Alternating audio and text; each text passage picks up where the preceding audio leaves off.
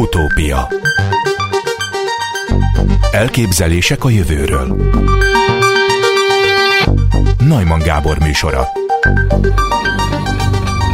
Kaptam egy tájékoztatót az Ötvös Lóránt Kutatói Hálózat Szegedi Biológiai Kutatóközpontjától, amely a bioinformatikáról szól, és ennek alapján teszek most föl kérdéseket vendégemnek, bíró, vendégemnek Hilling Dominiknak, aki a Szegedi Biológiai Kutatóközpont bioinformatikusa. Jó napot kívánok! Jó napot kívánok, üdvözlöm a hallgatókat! Idézem ezt a anyagot, és ebből teszek föl kérdéseket. Remélem, hogy nem értelmezem félre azt, amit önök írtak, mert szerintem rendkívül bonyolult egyébként. De majd kiderül, hogy mi lesz belőle. Mi lenne, ha Magyarország GDP-je lenne világviszonylatban a legnagyobb?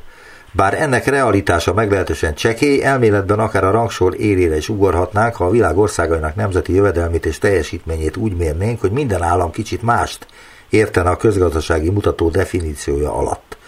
Így van ez a biológiai képfeldolgozásban is, ahol a mesterséges intelligenciát alkalmazó algoritmusok összehasonlító mutatóit rendszer szinten félreértelmezik, ez pedig táptalajt adhat ahhoz, hogy mindenki a saját módszereit tüntesse fel legjobbként. Az LKH Szegedi Biológiai Kutatóközpont bioinformatikusai Horváth Péter és csoportja e meglepő és általánosan figyelmen kívül hagyott gyakorlati problémára világítanak rá a világ vezető módszertani folyóirata, a Nature Methods lapjain megjelent legújabb közleményükben.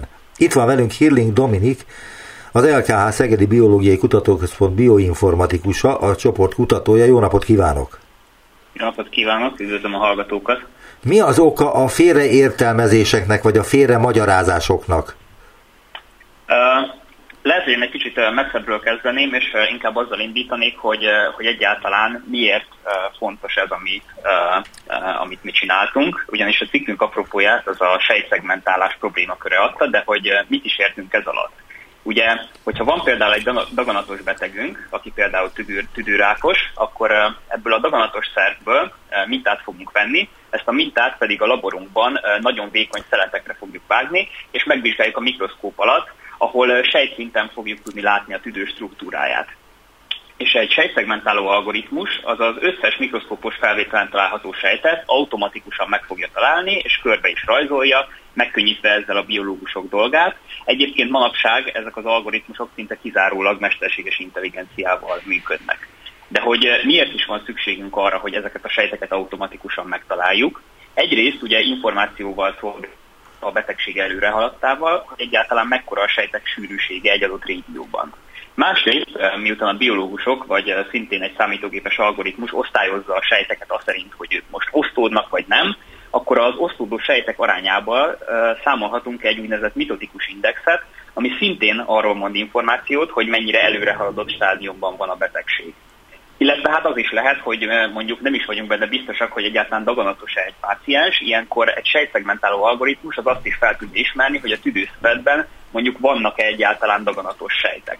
És egyébként még a személyre szabott gyógyászatban is van ennek jelentősége, hogyha esetleg lesz rá idő, akkor beszélhetünk erről is. Minden esetre most már értjük, hogy miért fontos maga ez a sejtszegmentálás. És hát a mi publikációnk, az, ami ezzel kapcsolatban megjelent, az ugye arról szól, hogyha valaki a világon készít egy sejtszegmentáló algoritmust, akkor annak a pontosságát vagy jóságát azt hogyan értékeli. És ugye a bioinformatika az manapság a fent említett alkalmazások miatt egy elképesztően kompetitív terület, és hát mindenki szeretné, hogyha az ő módszere lenne használva a klinikumban, az övé lenne az a módszer, amire mindenki hivatkozik.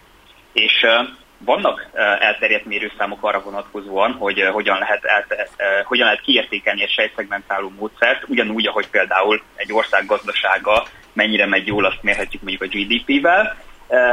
És hát mi a szakirodalmi áttekintésünk során arra leszünk figyelmesek, hogy ezeket a mérőszámokat a biológiában elég sokféleképpen értelmezik, és attól, hogy egy mérőszámnak ugyanaz a neve mondjuk, még lehet, hogy két különböző kutatócsoport az teljesen másképp számolja ezeket a mérőszámokat. Tehát ez ténylegesen olyan, mintha az USA és Magyarország mondjuk más képletet használna arra, hogy hogyan számolják a GDP-t, és hát ez probléma, hiszen így nyilván nem lesz összehasonlítható a két ország teljesítménye.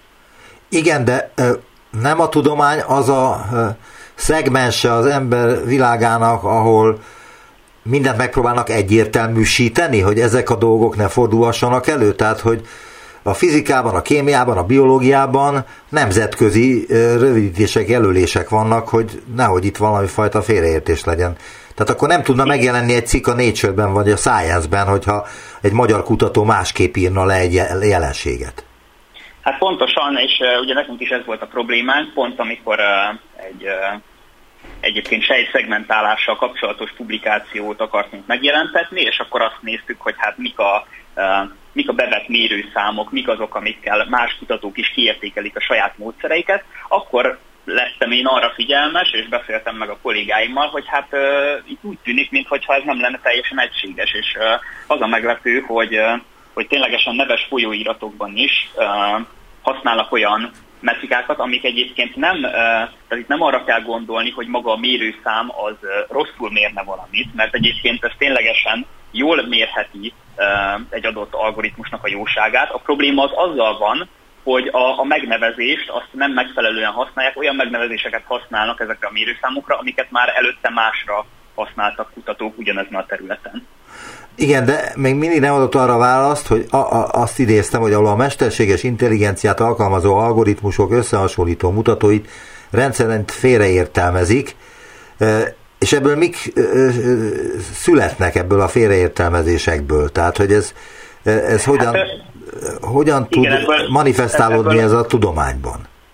Igen, ez, ez azt eredményezi, hogy ha két különböző kutatócsoport az mindkettő fejleszt egy, egy sejtszegmentáló algoritmust. Várjuk egy pillanatig, ezt, hogy... ezt tisztázzuk. A sejtfragmentálás az a sejtnek a szétdarabolása, nem? A sejtszegmentálás, igen, itt a, az elején, ahogy említettem, a sejtszegmentálás az azt jelenti, hogy az algoritmus egy mikroszkópos felvételen automatikusan megtalálja és körberajzolja a sejteket. Tehát egy sejtnek, sejteknek a megtalálása tulajdonképpen. Tehát akkor nem darabolás, hanem a sejtnek az azonosítása. Így van, azonosítása, körberajzolása. Aha. Tehát, hogyha ha két különböző kutatócsoport készít egy ilyen, egy ilyen algoritmust, és mindkettő azt mondja, hogy ő a X mérőszámot használta mondjuk a, az algoritmusának kiértékelésére, akkor lehet, hogy ez az X mérőszám ez két különböző értelmezés szerint történik, vagy két különböző értelmezés szerint számolják, és az egyik módszer az, vagy az egyik kutatócsoport azt mondja, hogy az övé a legjobb, a másik kutatócsoport azt mondja, hogy az övé a legjobb, miközben hát ez nyilvánvalóan abból adódik, hogy, hogy rosszul használták a metrikákat, tehát összehasonlíthatatlanná válik, és ez sajnos egy, egy, egy létező probléma, hogy ez, ez, ez előfordulhat. Igen, de az előbbi példáját felhozom ide, tehát ha egy tüdőrákosnak kiveszik a rákjából vesznek egy pici mintát, és azt elemzik, azért az nagyon nem stimmel, hogy az egyik kórházban ilyen kezelést írnak elő, mert ott úgy értelmezik azt a bizonyos fragmentálást, a másik kórházban meg másképp értelmezik, és ott másfajta anyagot kap a kezelésre. Igen, ez, ez természetes, és ezért is jelent meg a mi publikációnk, hogy próbáljunk meg egy olyan tehát olyan ajánlásokat adni, amivel standardizálhatóak ezek a metrikák. Ugyanis még egyszer mondom, tehát uh, itt azért nem arról van szó, hogy akkor most uh, ezek a mérőszámok ezek teljesen rosszak lennének, amit valaki így vagy úgy használ. De az elég, ha egy kicsit rossz, nem? Igen, hát uh, itt még csak azt sem mondanám igazán, hogy rossz, mert, mert mindegyik mér valamit, és mindegyik jó lehet valamilyen uh, paraméternek a mérésére, tehát hogy miben jó vagy rossz az algoritmus. Inkább azzal van a probléma, hogy nem lehet egyértelműen megmondani, hogy oké, okay, én most mondjuk szeretnék egy valamilyen módszert alapul venni, ami a, a legjobb itt a, a bioinformatikában, akkor ezt nem tudom megmondani, mert, mert valamelyik ebbe lesz jó, valamelyik abba lesz jó, és uh, mégis uh, azt mondják a kutatók, hogy ez szerint a mérőszám szerint a, a legjobb az. Önt idézem, ahhoz, hogy a, illetve az ön mondandóját idézem a abból az anyagból, amit elküldtek nekem. Ahhoz, hogy a különféle módszereket össze tudjuk hasonlítani, és ennek alapján kiválaszthassuk az adott feladatra legmegfelelőbbet, valamilyen kvantitatív mutatót kell használnunk, és bár a szakirodalom pontosan definiálja az összehasonlításra alkalmas metrikákat, ezek definíciójának értelmezése korán sem egységes. Előfordul, hogy akár 5-6 különböző interpretációja is van egy adott fogalomnak, magyarázza Hirling, Dominik, vagyis ön, Megtenné példával is illusztrálja az előbbieket egy más példával? Uh, tehát, hogy pontosan milyen, milyen félreértelmezések a, igen, igen, igen. lehetségesek itt? Igen. Igen, tehát például képzeljük el azt, hogy, hogy van, egy, van egy X mérőszám, amire van egy, van egy konkrét képletünk, és, és, ezt, és ezt a mérőszámot ezt úgy a, képletben olyan, olyan tagok találhatók, mint például, hogy hány sejtet tudtunk jól azonosítani, tehát úgy azonosítottuk, hogy az tényleg sejt, hány olyan azonosítást végzett az algoritmusunk, ami, ami nem talált meg sejtet, de az algoritmus azt hitte, hogy sejt, illetve hány olyan sejt van, amit nem talált meg az algoritmus. Tehát ezekből a tagokból fog ez a képlet összetevődni, de ugye az, hogy mit jelent az, hogy például megtaláltunk egy sejtet, az ugye korán sem egyértelmű. Tehát, hogy mondjuk ha, ha félig átfed a sejt, és az algoritmusnak a, a, a a predikciója vagy, vagy, vagy azonosítása, akkor azt már jónak veszem. És ez ugye itt a bioinformatikában is mindig kérdés, tehát például abban különböznek ezek a, a metrikák, hogy, hogy mekkora egyezésnél mondja azt valaki, hogy na itt már megtaláltam mondjuk egy sejtet. Aha. Az ön munkája, illetve az önök munkája miben áll? Tehát hogyan tudja segíteni az egyértelműsítést és az ilyen félreértések kiküszöbölését?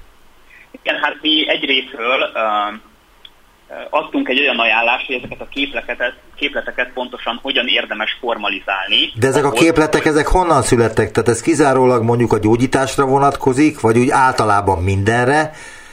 Ez, ez általában mindenre, tehát bármilyen számítógépes látással vagy, vagy képfeldolgozással kapcsolatos, amikor valamilyen objektumot azonosítani szeretnénk, akkor nagyjából hasonló mérőszámokat használnak, tehát ez nem kifejezetten a bioinformatikában specifikus, azonban ezeknek a mérőszámoknak a félreértelmezése az már bioinformatika specifikus, ugyanis hát ezek a megnevezések ezek itt jelentek meg először. Más területeken ott, ott nem ennyire divers az, hogy milyen, milyen mérőszámokat használunk, mert hát ott nem, tehát vannak, vannak különbségek mégiscsak a, a között, hogy mondjuk nem tudom, járókelőket szeretnénk egy, egy kamerafelvételen, vagy, vagy sejteket találni egy, egy szöveten, tüdőszöveten mondjuk. Azt írják önök, hogy e gondolatkörhöz, amiről egyébként most beszélt, szorosan kapcsolódik Hirling és Horváth, vagyis ön és a a csoportvezetőjének egy szintén nemrég publikált módszerfejlesztése, Campus Tract, Biotechnology 2022, stb., amely a sejtek alakját leíró matematikai modell beépítésével növeli a biológiai képfeldolgozásra szolgáló mesterséges intelligencia alapú algoritmus hatékonyságát. Az önök által kidolgozott módszerrel már találkozhatunk bárhol is? Mondjuk a onkológiai intézetben? Igen, tehát ezt tudomásom szerint ezt már használják a klinikumban is, és hát ebben a publikációnkban mi magunk is egy, egy mesterséges intelligencia alapú sejtszegmentáló algoritmust készítettünk, ami kifejezetten sejtek megtalálására működik jól, és ez a módszer ez tulajdonképpen amiatt egyedülálló, hogy a legtöbb hát felkapott vagy, vagy népszerű algoritmus az úgy működik, eh, ami mesterséges intelligencia alapú, hogy ha ránéz egy képre, akkor gyakorlatilag eh, pixelenként vagy hát képpontonként dönti el, hogy akkor ez a képpont ez most sejthez tartozik el, vagy sem, és ez alapján eh, fogja megtalálni a végén a sejteket. Ezzel szemben mi beépítettünk egy matematikai... Várjunk csak, ez egy pillanat, itt leállítom egy pillanatra, ne haragudjon. Önnek. Tehát én vagyok a beteg, bemegyek önökhöz, ha önök egyébként klinikai kutatást végeznének, akkor mit csinálnak azzal, akinek egy sejtjét kellene megtalálni a testében? Tehát ez, ez tehát hogyan transponálódik ez egy műszerre, ez egy azonosítóra, akár egy, egy emerire, vagy egy CT-re, tehát hogyan lehet ezt transponálni valami konkrét gyógyító eszközre? Hát jó, akkor, akkor itt kicsit átugornék a, a személyre szabott gyógyászatra, mert talán itt ez azon keresztül érthető meg jobban. Ugye, mint az elején is említettem. Mert hogy én nem követtem az ön, amit, az ön mondandóját, tehát hogy ön azt mondja, átugrik erre, de én azt gondoltam, hogy ez hozzá tartozik, vagy e, ebből következik. Igen, igen, uh, hozzátartozik szerintem, úgyhogy uh, itt akkor igazából egy alkalmazást mondanék el. Tehát ugye, ahogy azt már említettem is, hogyha van egy daganatos minta mondjuk, vagy, vagy nem tudjuk, hogy daganatos-e az adott szerv, de minden esetben mintát veszünk ebből a szervből. Uh, ugye ebből a mintából uh, ezt a mintát ezt nagyon vékony szeletekre fogjuk vágni a mi laborunkban, és ezt mikroszkóppal fogjuk ugye megvizsgálni. Tehát igen, ezt az elején is elmondta, igen. Van szó. Igen, a mikroszkóp alatt, és uh, ugye akkor ez alapján hogyha mondjuk egy tudő, tüdőszövetben megtalálta a sejteket az algoritmusunk, akkor ezeket a sejteket, mivel ugye körbe vannak rajzolva, akkor egy lézer mikroszkóp segítségével körbe tudjuk vágni, és gyakorlatilag ezt az egy sejtet mondjuk, ami nekünk érdekes, az izolálni tudjuk. Ezt a sejtet aztán egy úgynevezett proteomikai kiértékelésre el tudjuk küldeni, ami azt jelenti, hogy megnézzük, hogy ebben a sejtben, vagy több sejtben is, milyen fehérjék és milyen mértékben fejeződnek ki, ez pedig azért fontos nekünk, mert hogyha vannak olyan fehérjék, amelyek csak daganatos sejtekben fejeződnek ki mondjuk nagy mennyiségben, akkor ö, olyan gyógyszerekkel, amelyek ezeknek a fehérjéknek a kifejeződését blokkolják, akkor ö, alkalmazhatjuk ezeket a gyógyszereket daganatos betegségek gyógyítására. Aha. És ezt kipróbálták már? Hát ugye most én bioinformatikus vagyok, tehát uh, itt óvatosan... Uh, Tudom, hogy ön nem orvos, tehát ön nem foglalkozhat betegekkel. Kérdésekben nyilatkozni, tehát uh, tudomásom szerint ez, tehát uh, élesben uh, nem használunk még ilyeneket, ugye ez lenne a, a hosszú távú cél, hogy, hogy ezt alkalmazhassuk, de, de kísérletek már vannak erre vonatkozóan. De, de hát a mai napig is úgy hirdetik magukat különböző magángyógyintézetek, hogy személyre szabott rákgyógyításra képesek, akkor ez nem igaz?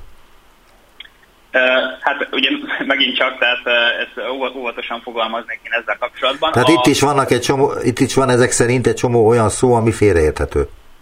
Hát tehát könnyen lehet, hogy személyre szabott gyógyászat alatt valaki mást ért, mint mondjuk mi. Tehát ugye valaki például, ugye, ahogy én is mondtam, szövetes képeken mondjuk sejteknek a, a, a proteomikai kiértékelése alapján végig a személyre szabott gyógyászatot. Most persze ez jelentheti azt is, hogy a, a, az orvos mondjuk leül a, a pácienssel, konzultálnak, és akkor a, a, a páciensnek a panaszai alapján javasol valamilyen terápiát. Hát de ez volt 50 éve is, tehát ezt nem értem akkor.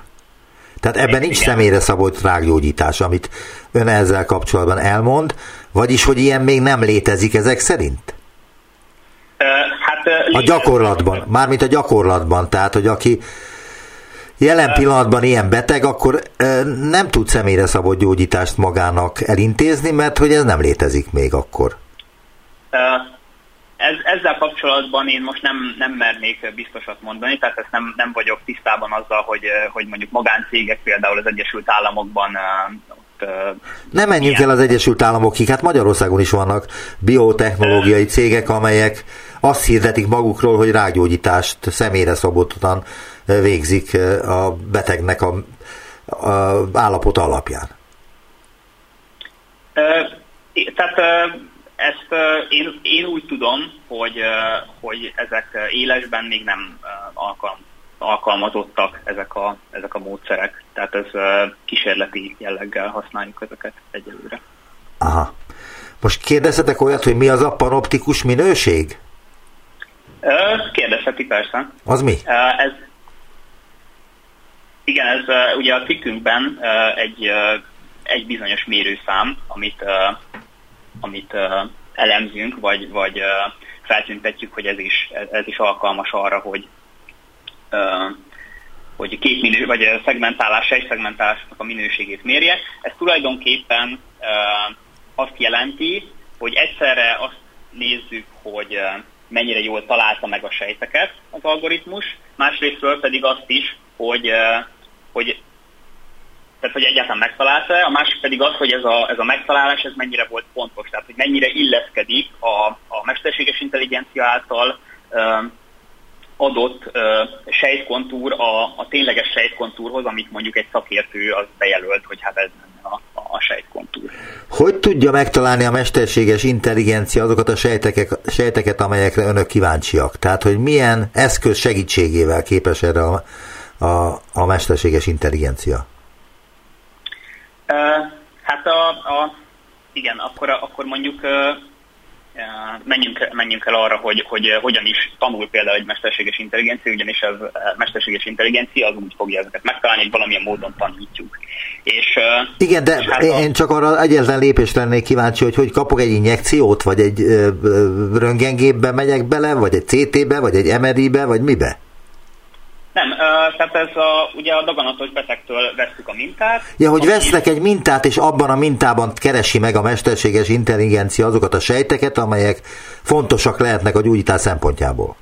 Persze, persze, ugye, tehát ahogy mondtam is, ugye ezt a mintát levesszük, és a laborban pedig szeletekre vágjuk, majd egy mikroszkóp alá rakjuk. Tehát itt nem arról van szó, hogy valós időben bejön a beteg, és akkor egyből uh, uh, valami. Világos, a, értető. Most már értem, hogy, hogy ez mit jelent, csak mindig azt mondja, hogy a mesterséges intelligencia megkeresi, és ezt a cselekvést próbáltam megfelelő helyre helyezni, hogy hol keresi meg. Ez tulajdonképpen csak egy, egy biológusokat segítő eszköz itt a mi esetünkben a mesterséges intelligencia. Ez nyilván sokkal gyorsabb, hogyha mondjuk sejtek tízezreit kell megtalálni, körberajzolni, akkor ez egy biológusnak mondjuk egy több hetes hónapos munka a mesterséges intelligencia az pedig nagyon rövid idő alatt uh, tudja ezt a feladatot elvégezni, és így nyilván akkor juthat a biológusok számára is fontosabb uh, dolgokra uh, idő. Még kérdeznék egy ilyen kulcs, kulcs uh, szó összetételről, hogy mi az a cella reprezentáció? Igen, itt szerintem ez a, a sejtreprezentáció lehet talán, ugye ez a cell representation volt a cikkünknek a, igen, igen. a, a címe. Tehát, hogy itt a sejtreprezentációról van szó, és ugye ebben a publikációnkban az volt a, a különleges, hogy uh, ugye a, a mesterséges intelligencia algoritmus az, az nem képpontonként döntött el, hogy egy képpont az mondjuk sejthez tartozik-e vagy sem, hanem mi egy matematikai modellt beépítettünk ebbe a, a módszerbe, és gyakorlatilag megmondtuk a mesterséges intelligenciának, hogy olyan alakzatokat keressen, ami valamilyen módon ráillik erre a matematikai modellre, ami pedig történetesen olyan alakzatokat ír le, mint amilyenek a sejtek, tehát kicsit görbültek, ellipszisterűek. Tehát itt a sejtreprezentáció azt jelenti, hogy azt néztük meg, hogy milyen matematikai modellek a legalkalmasabbak arra, hogy a sejteket leírják. Aha. Még egy utolsó kérdést tennék föl, de hát általában ezt szokták ilyenkor kérdezni, amikor valami új dologgal találkoznak a kutatók, hogy hogy mikor lesz ennek valamifajta gyakorlati eredménye? Hát a gyakorlati eredménye az egyébként most itt, a, amikor a, a klinikumban uh, alkalmazásról beszéltünk, akkor úgy tűnhetett, hogy ennek, még semmilyen uh, igen, igen, valós igen. alkalmazása nincsen, de hogy ez tulajdonképpen azért nem így van, mert uh, mert a, a mi kutatási eredményeink, például sejtszegmentáló módszereinket is, azért nagyon is használják egyrészt az akadémiába is, tehát ugye bármilyen biológusnak a munkáját ezek az algoritmusok nagyon felgyorsítják, illetve például vannak kapcsolataink mondjuk a, a Zürichi gyermekklinikával, ahol szintén használják azokat a szoftvereket, amiben a mi algoritmusaink megtalálhatók, és ezt ott például tudják használni akár diagnosztikai célokra is, most én nyilván ezt nem tudom megmondani, hogy pontosan milyen mértékben és, és, és hol, de az biztos, hogy például ezeket az automatikus módszereket, amik a, az orvosoknak, biológusoknak a munkáját megkönnyítik, azokat használják klinikumban is és az akadémiában is. Nagyon szépen köszönöm az interjút. Hirling Dominika, az LKH Szegedi Biológiai Kutatóközpont bioinformatikusa volt a vendégem. Viszont hallásra! Viszont hallásra! Utópia az LKH Energiatudományi Kutatóközpont Műszaki Fizikai és Anyagtudományi, valamint Energia és Környezetbiztonsági Intézetének kutatói kísérletekkel igazolták, hogy bizonyos lepkefajok szárnyának cinkoxiddal történő bevonásával környezetkímélő módon is olcsón állíthatók elő fotonikus nanoszerkezetek, amelyek lehetővé teszik a napenergia közvetlen hasznosítását kémiai folyamatok előidézésére. Itt van velünk Bíró László Péter, fizikus, kutató, professzor, a Magyar Tudományos Akadémia rendes tagja. Jó napot kívánok! Jó napot kívánok, köszönöm szépen a lehetőséget. Ön azt mondta a telefonban, hogy ezt a kutatást el tudja magyarázni akár nekem is.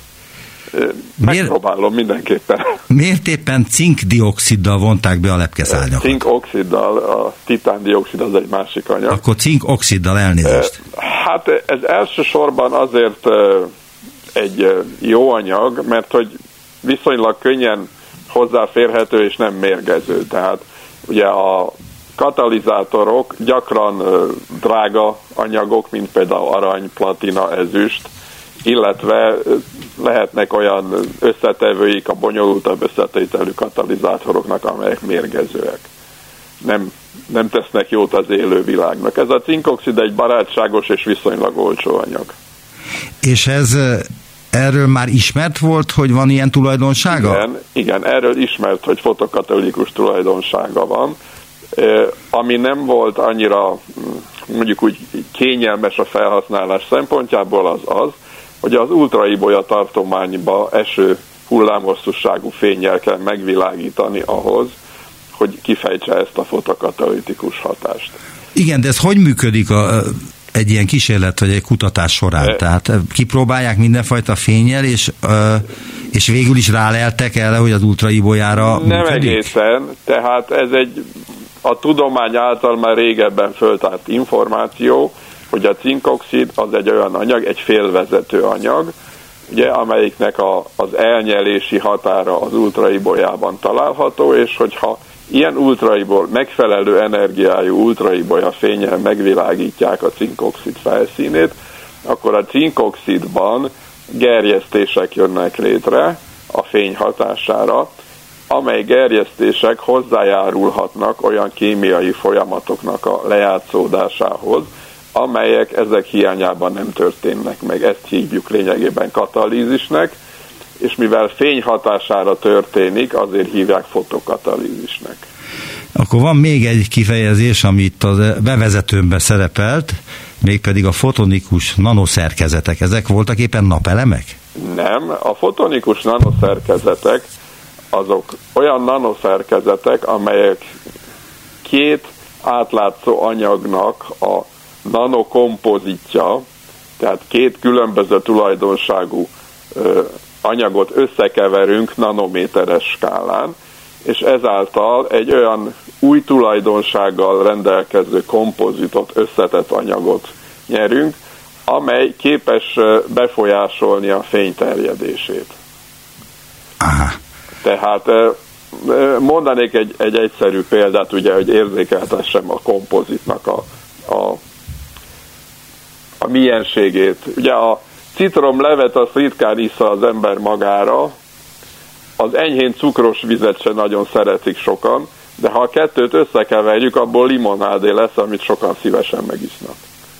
Tehát körülbelül így történik a kompozit létrehozása is van, két különböző anyag, egyiknek ilyen tulajdonságai vannak, a másiknak amolyan tulajdonságai vannak, de ha a kettőt összerakjuk, abból egy olyan kevert anyag, mondjuk így nem egészen szabályos megnevezése, egy olyan kevert anyag keletkezik, aminek egészen újszerű tulajdonságai lehetnek, mint a limonádénak.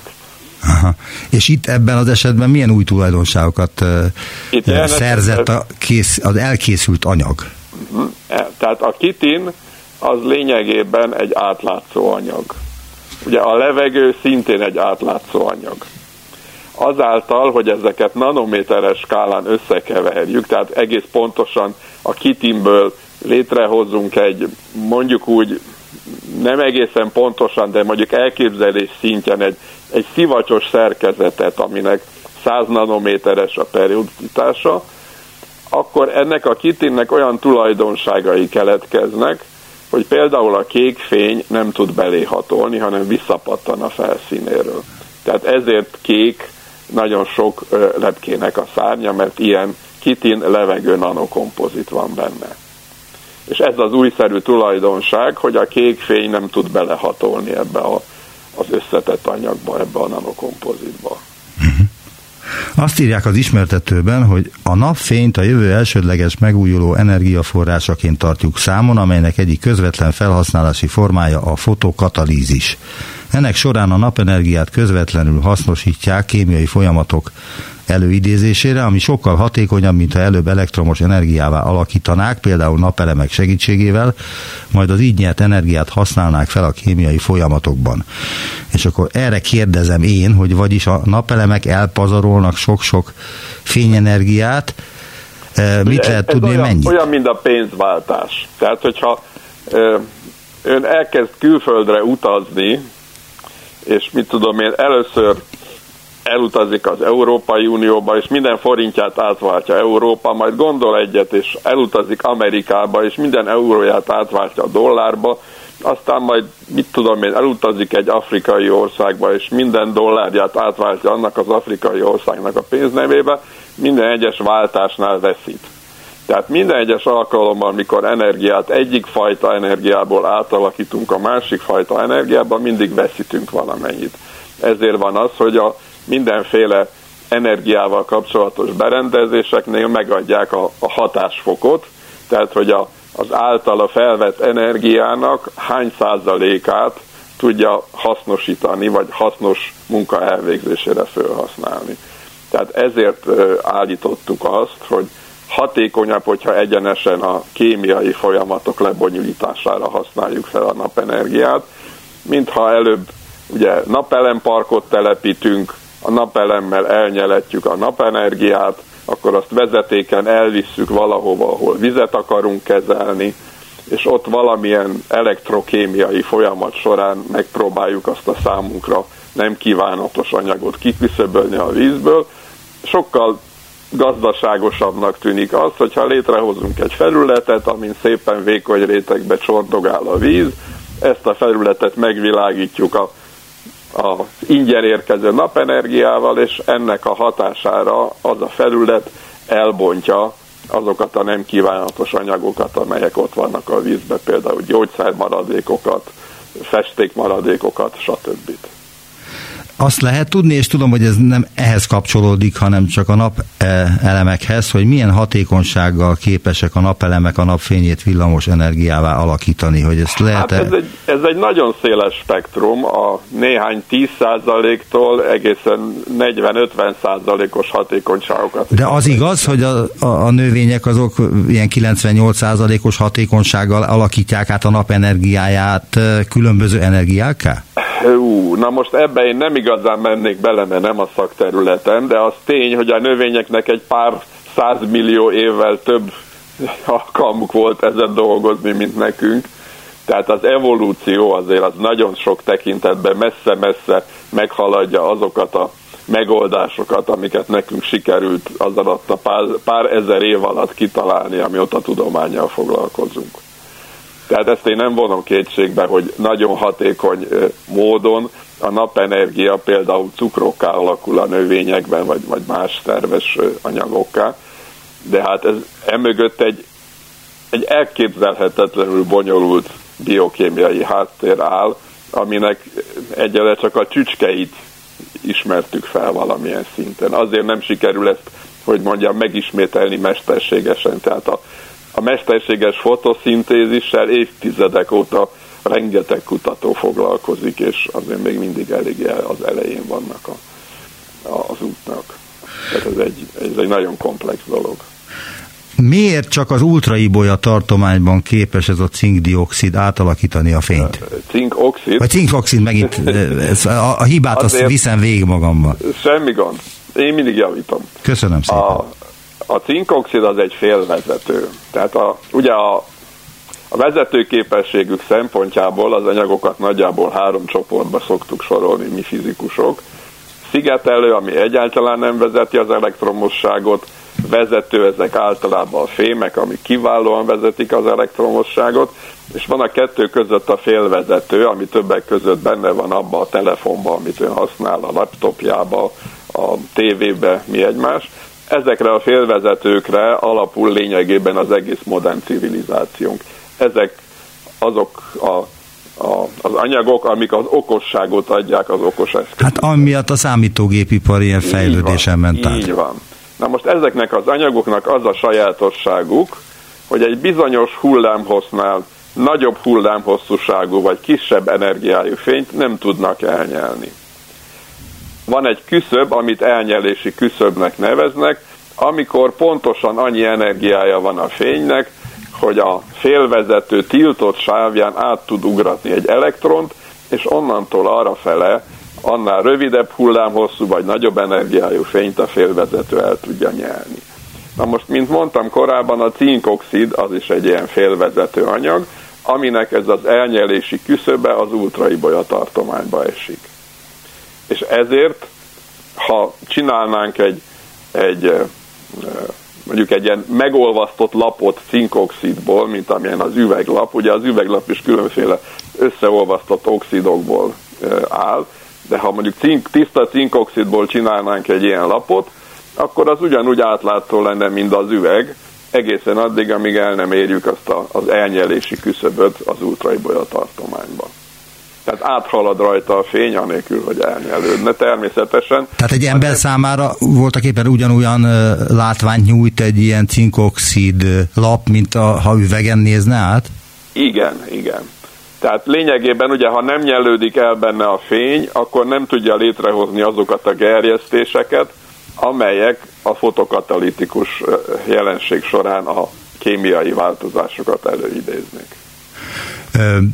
Tényleg azért fordultak a lepkékhez, mert ezeket a nanoszerkezeteket túl drága előállítani, és a lepkéknek úgyis ott vannak a szárnyai? Igen, tehát ahhoz, hogy ezeket a fotonikus nanoszerkezeteket, vagy fotonikus kristályokat előállítsuk, ahhoz egy nagyon komoly laboratóriumi háttér kell, magasan képzett szakemberek, és nem ritkán környezetre, meg egészségre káros anyagokat is föl lehet, vagy föl kell használni. Azon felül ugye ezekre mondjuk ipari szintű előállítása még nincs. Tehát ezek laboratóriumi technikák, amikről beszélünk. Ugyanakkor meg a lepkék szárnyain ott van ez a kiváló fotonikus nanoarchitektúra, ami halálprecízen megismétlődik generációról generációra, mert genetikailag kódolva van. És ha már itt tartunk, akkor hadd említsem meg, hogy nem tudom, ha tudják-e ön meg a, a tisztelt hallgatók, hogy a világ természetes sejjem termelése az 80 ezer tonna évente. És ezt a 80 ezer tonna sejmet, ezt a háziasított sejjem lepkőnek a gubójából állítják elő. Ez egy 2000, több mint 2000 éves technológia, a kínaiak találták ki. És ugye ez nagyon szépen mutatja azt, hogy elő lehet állítani, ha erre igény és szándék van, nagyon nagy mennyiségű anyagot így a lepkék tenyésztésével. Tehát önök úgy is gondolják, hogy amennyiben ez ipari méretűvé válik ez a kutatás, a a kutatás eredménye, akkor ezt lepkékkel lehet megoldani? Meg lehetne oldani lepkékkel is, ha nem találnak ki addig más kutatók, akik ezen dolgoznak, valami más hasonlóan eh, alkalmazható eljárást a fotonikus nanoarchitektúrák előállítására. Most eh, ugye az a lepke, amivel mi dolgoztunk, az a közönséges Icarus, vagy a latin neve Poliomatus Icarus, az eh, annak nagyjából négy darab egy négyzetcentiméter felületű szárnya van, viszont Dél-Amerikában élnek olyan lepkék, amik szintén ilyen fotonikus nanoarchitektúra által színezettek, a morfók, és ezek közül melyik másiknak ilyen féltenyérnyi egy-egy szárnya. Tehát, hogy is mondjam, sokkal kevesebb lepkével sokkal nagyobb felületet lehetne kitapétázni, és nyilvánvaló módon ezeknek is ugyanúgy megoldható a tenyésztése, csak mondjuk a mi körülményeink között nehézkesebben. És akkor hogy néz ki az egész ügy, hogyha létrejön ez a lepke eh, tenyésztéses eh, módszer dél-amerikai hatalmas lepkékkel, akkor eh, mit látunk, aki egy ilyen központba betéved, ahol ilyen szerkezetek szolgáltatják az energiát, meg a különböző ehhez kapcsolódó dolgokat.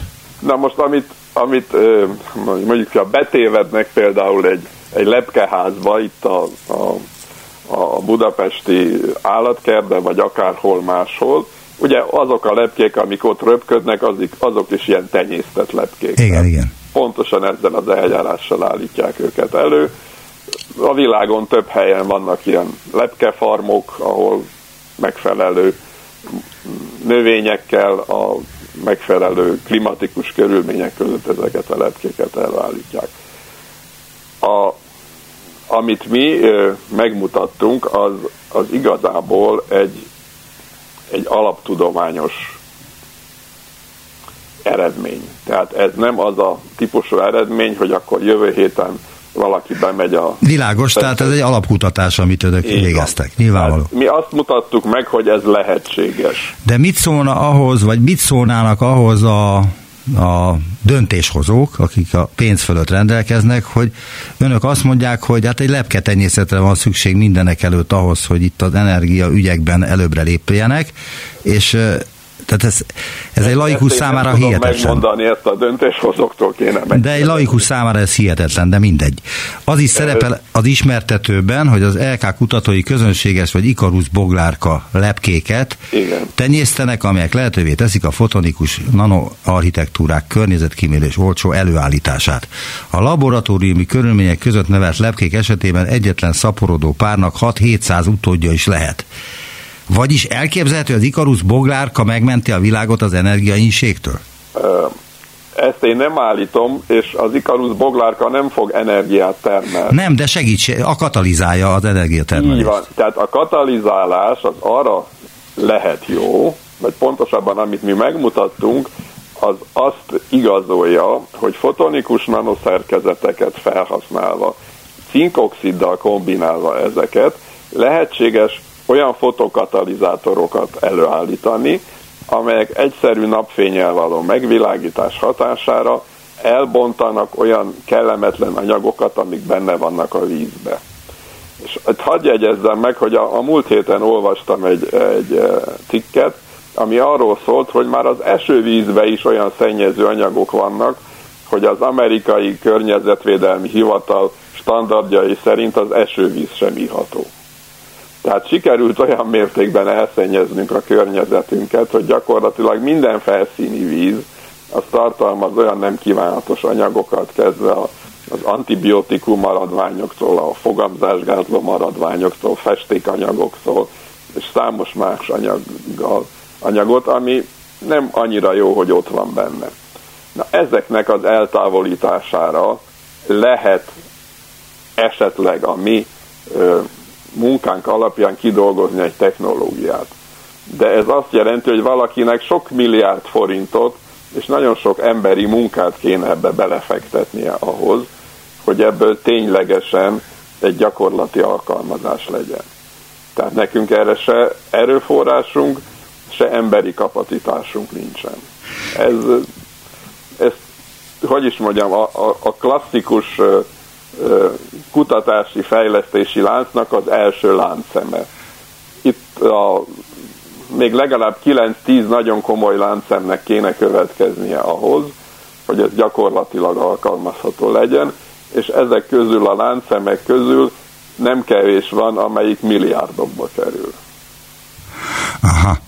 Tehát, hogyha én mondjuk egy befektető lennék, és tárgyalnék ez ügyben önnel, akkor mi lenne, ha bármit megkérhetne tőlem, és kvázi bármilyen lehetőségeim is lennének, akkor mi az, amit, amit kérne tőlem? Én nem biztos, hogy kérnék öntől, ugyanis én egy alapkutató vagyok, és ez, ez hogy is mondjam. Akkor kihez forduljak?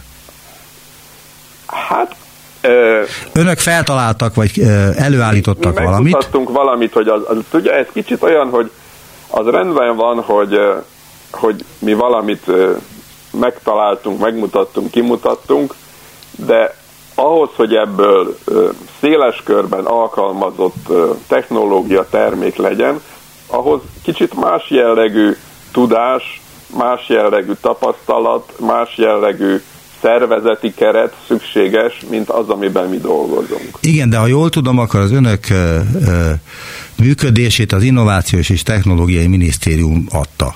Ez mármint a pénzt. Így, és ez ha jól tudom, akkor az Innovációs Technológiai Miniszter az azt szeretné, hogyha valamilyen kutatást végeznek, akkor annak legyen valamilyen kézzel fogható haszna is. Ennek van kézzel fogható haszna akkor, ha valaki hajlamos ezeket a milliárdokat és azokat az emberórákat belefektetni, ami szükséges ahhoz, hogy az alapkutatástól eljussunk az alkalmazott kutatáson keresztül a termékig. De ugye ez, ez kicsit olyan, hogy attól, hogy valaki, mit tudom én, 10 másodperc alatt futja a 100 métert, attól nem biztos, hogy az illető még súlylökésben is kiemelkedő. Tehát megvannak a, a különböző, hogy is mondjam, kutatási szervezetek, a különböző kutatási szervezési módszerek arra, hogy ezt az egész folyamatot végig lehessen járni. Tehát van az alapkutatás, ami ö, nagyjából a mi szintünkön történik, és hogyha valaki, valamilyen befektető, mint ahogy ön is feltette a kérdést, te, te, teszem azt, hogy egy befektető, akkor perspektívát lát abban az alapkutatási eredményben, amit mi létrehoztunk, akkor az azt mondja, hogy igenis, akkor én most belefektetek ennyi milliárdot, ennyi emberórát, és megpróbálok ebből terméket csinálni. Mi ez a termék? A terméket írja le nekem, legyen szíves. A, a termék egy olyan katalizátor felület lehet, amin átfolyatva a szennyezett vizet, tisztább vizet kapok. Tehát, de hát erre, erre rengeteg pénzt fordítanak a különböző kormányok jelenleg a világban, mert hogy a környezetszennyezés az egyik legnagyobb problémánk. Biztos úgy van, ahogy ön mondja, nem biztos, csak gondolom. Én, én, én ezzel a kitétellel nem tudok és nem is szándékszom vitatkozni. Biztos nagyon jó, hogyha ez így van, ahogy ön mondja, hogy a kormányok erre rengeteg pénzt fektetnek, de ez hogy is mondjam, ez nem a mi szintünk. Tehát nem az önök dolga megállapítani azt, hogy ez mennyire gazdaságos, illetve hogyan lehet ezt árusítani. Hát, így van, tehát én, én a gazdaságossági számításokhoz, bocsánat, de nem konyítok, tehát én nem tudom azt megmondani, hogy akkor most ebből mennyi profitot lehet termelni, ugye, mert alapvetően azt látnunk kell, hogy nem a kormányok határozzák meg a, a gazdaság működését. Tehát ezt valamilyen profitorientált cégnek kéne felkarolni, vagy, vagy magáévá tenni, ha ennek értelmét látja. Ugye a, valamikor ott a 2000-es évek elején, akkoriban még szénnanocső kutatással foglalkoztam. És megpróbáltam egy osztrák cégnek a, a, az igazgatóját meggyőzni arról, hogy milyen jó dolog ez a szénnanocső, és ez milyen perspektívikus, és mennyi jó dolgot meg lehet el csinálni. Nagyon, Herr Schmidt nagyon udvariasan végighallgatott, és utána a következőket mondta nekem. Na figyelj ide, Herr Bíró, az a szénnanocső, amit ön most elmesélt nekem, az egy nagyon jó dolog, csak rettenetesen drága. Én ugyanezt meg tudom csinálni üvegszállal, és addig, amíg meg tudom csinálni üvegszállal, ami egy ezredébe kerül annak, amit ön mondott, én nem fogok mással dolgozni, mert nekem az a dolgom, hogy profitot termeljek. Tehát körülbelül ez, a, ez az iparnak a hozzáállása, és ezért nem lehet őket hibáztatni, hiszen valóban az az ők dolguk, hogy profitot termeljenek. De hát könnyen lehet, hogy az önök által ö, elkészített termék az sokkal több profitot lesz képes termelni, Egyszer hogyha az egész majd. világon ö, erre ráadnak. De a, a, a részvényesek azok holnap akarnak kaszálni. Hát általában mindenhol így van. Igen. Tehát van egy ilyen, visszatérve a technológiai fejlesztésre, van egy ilyen sorozat, amit úgy hívnak, hogy Technology Readiness Level ezt a NASA-nál találták ki, és azt jelenti, hogy technológiai készültségi szint. Ennek kilenc szintje van ahhoz, hogy az alapkutatástól el lehessen jutni a gyártásig. És ennek a mondjuk ott a harmadik, negyedik, ötödik, hatodik szintjei olyanok, hogy rengeteg sok pénzbe kerülnek, és ezt nem nagyon akarja senki kifizetni. Úgy is hívják ezt e, szép angol szóval, hogy a halálvölgy de Valley of Death. Általában a, a jó és szép ötletek itt ebbe a halálvölgybe szoktak elbukni, mert odáig el lehet jutni viszonylag mérsékelt költségekkel. Itt viszont azonban már komoly, komoly milliárdokat kell befektetni, és akkor elkezdenek gondolkozni, hogy jó, én most befektetek ennyi milliárdot, mennyi idő múlva tudok ebből profitot generálni, és itt nagyon sok minden elbukik. Nagyon szépen köszönöm az interjút. Bíró László Péter, fizikus, kutatóprofesszor, hogy... a Magyar Tudományos Akadémia rendes tagja volt a vendégem. Viszont hallásra. Viszont hallásra minden jó. Visszaértünk a jelenbe. Neumann Gábor utópia című műsorát hallották.